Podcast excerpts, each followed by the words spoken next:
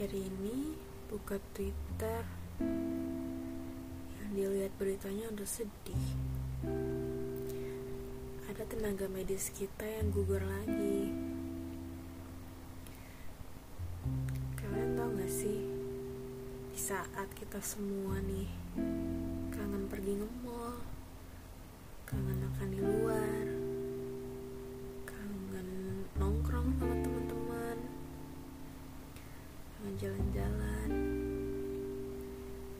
Justru yang dirinduin sama tenaga medis kita itu adalah rumah, tempat kita berdiam diri saat ini.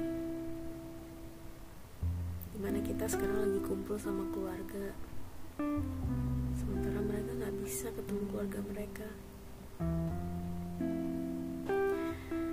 Kita doain aja ya, semoga mereka semua tetap sehat ini cepat berakhir supaya kita bisa keluar rumah lagi dan para tenaga medis bisa cepat pulang.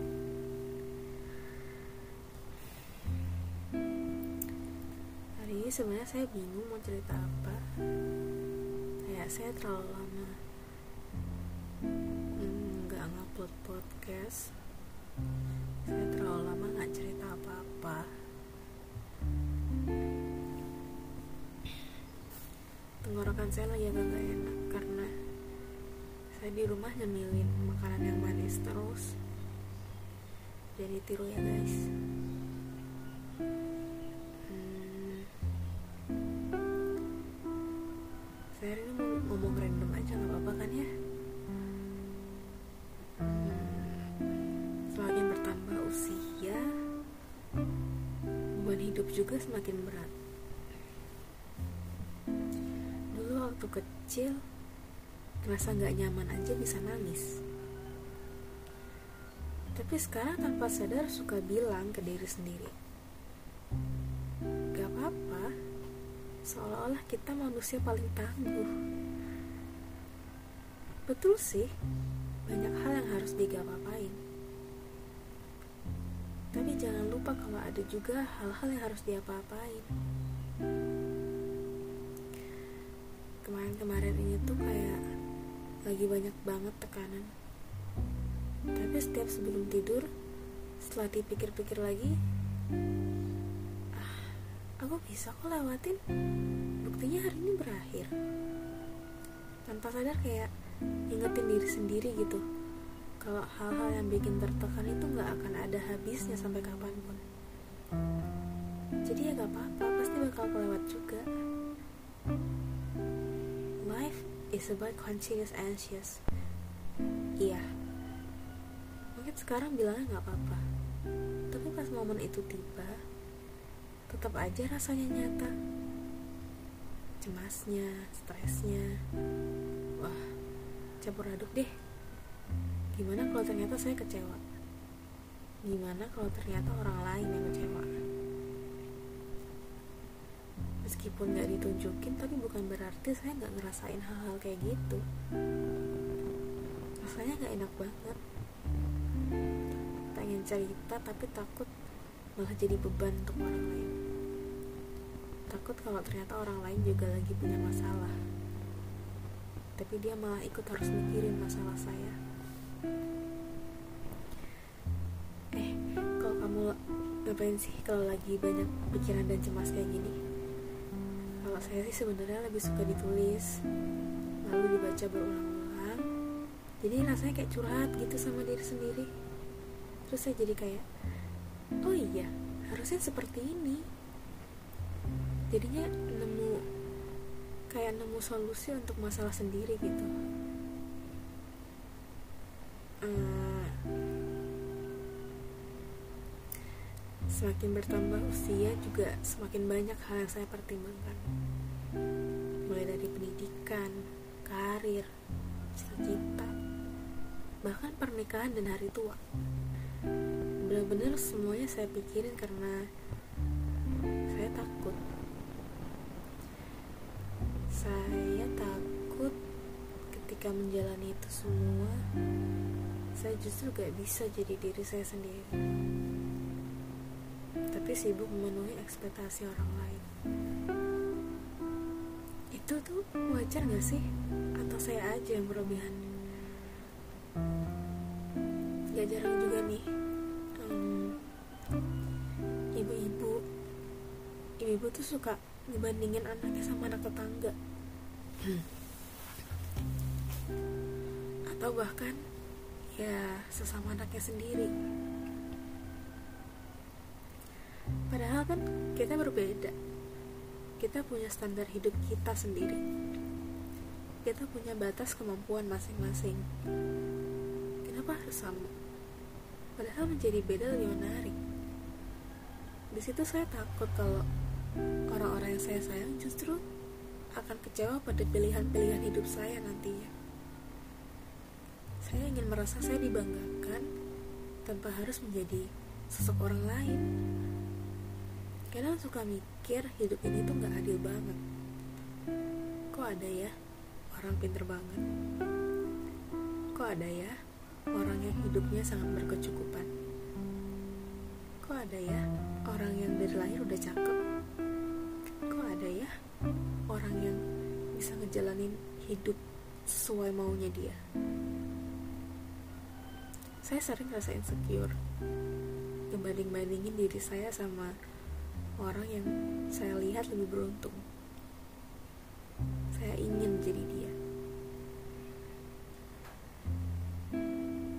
Tapi kemudian saya pernah membaca ini. Rumput tetangga mungkin boleh lebih hijau, tapi belum tentu lebih baik. Di situ saya sadar, orang-orang yang saya lihat beruntung itu pasti juga tetap merasa insecure. Namanya manusia kan gak ada yang sempurna. Namanya manusia itu gak ada yang pernah puas. Ibaratnya nih ada suatu puzzle dan beberapa bagiannya hilang. Jadinya nggak lengkap. Jadinya ya ya udah dibiarin kosong. Dibiarkan tetap menjadi teka-teki. Supaya kita bisa ngelihat bahwa dengan bagian yang kosong pun tetap bisa dinikmati ya kan?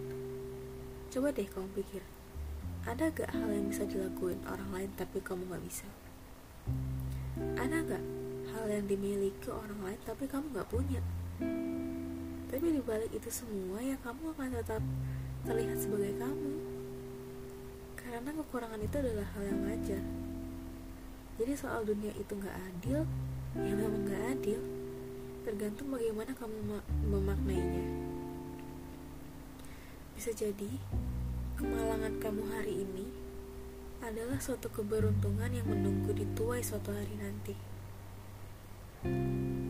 Jadi kayak benar-benar pengalaman itu guru berharga. Dulu saya pernah salah pilih teman. Uh, bukan salah sih. Mungkin dia memang seperti itu. Itu caranya dia. Tapi ekspektasi saya soal berteman dengan dia aja mungkin yang salah hmm.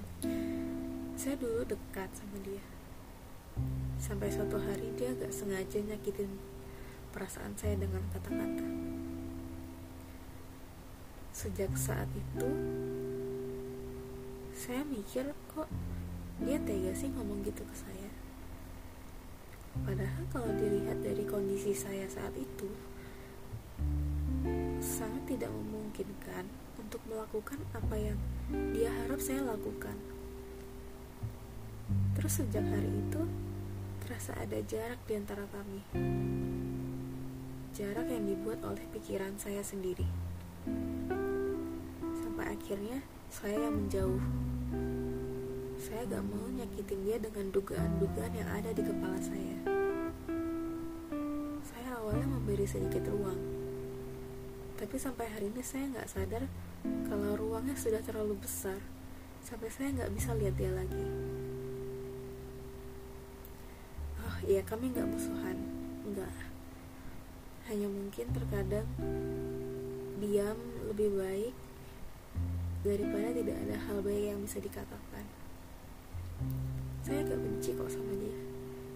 mungkin saya pernah dikecewakan tapi saya yakin kemalangan saya hari itu sudah saya tuai hari ini untuk lebih berhati-hati pada ekspektasi saya sendiri. Lagi-lagi kita ngomongin ekspektasi. Emang gak ada habisnya sih sama yang namanya harapan. Setiap hari selalu muncul harapan baru dan ekspektasi baru. Padahal kemarin-kemarin udah belajar untuk gak berharap lebih lagi.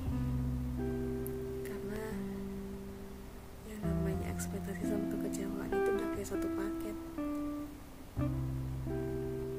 Oh iya saya sekarang juga sedang belajar untuk tidak menjadi judgmental saya melihat tindakan apa pun yang dilakukan sese seseorang secara baik ataupun buruk itu pasti punya alasan nggak bisa main judge gitu aja.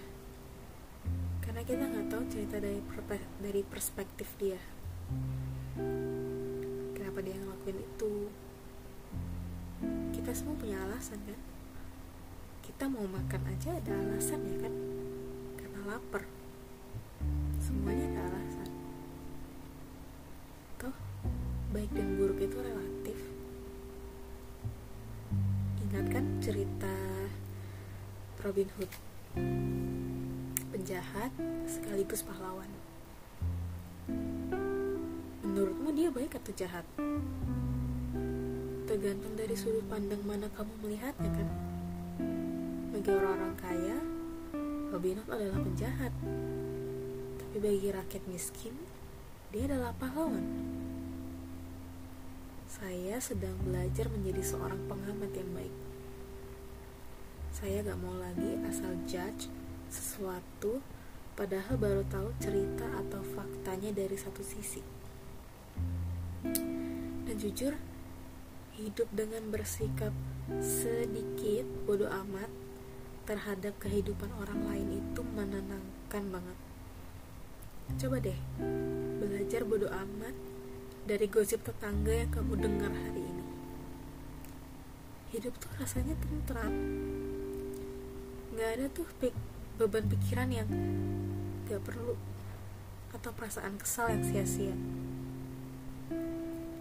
Saya juga sekarang lagi berusaha untuk gak menyerap kata-kata buruk. Kalau ada yang berbicara buruk tentang saya ya cukup saya abaikan aja.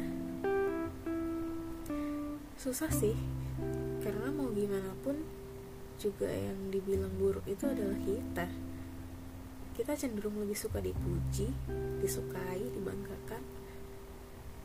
Ketika ada satu aja poin buruk dari diri kita yang kita dengar dari orang lain pasti rasanya sakit sekali.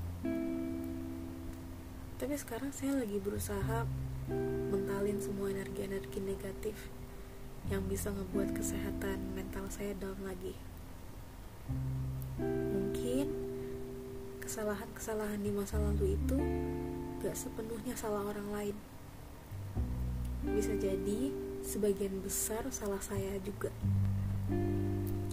Saya yang terlalu baperan saya yang terlalu judgmental saya yang gak bisa menjaga sehingga kehilangan saya yang terlalu berharap sehingga kesakitan saya yang tidak lebih baik dari saya sekarang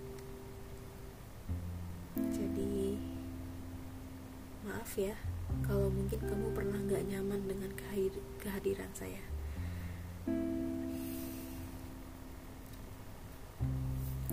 Sekarang itu udah jam 1.55 pagi. Saya belum bisa tidur, makanya saya rekam podcast ini. Saya harap setelah kamu mendengarkan saya ini, kamu bisa lebih berpikir jernih. Semoga ada energi-energi positif yang bisa kamu terima. Dan semoga ada pelajaran yang bisa kamu petik.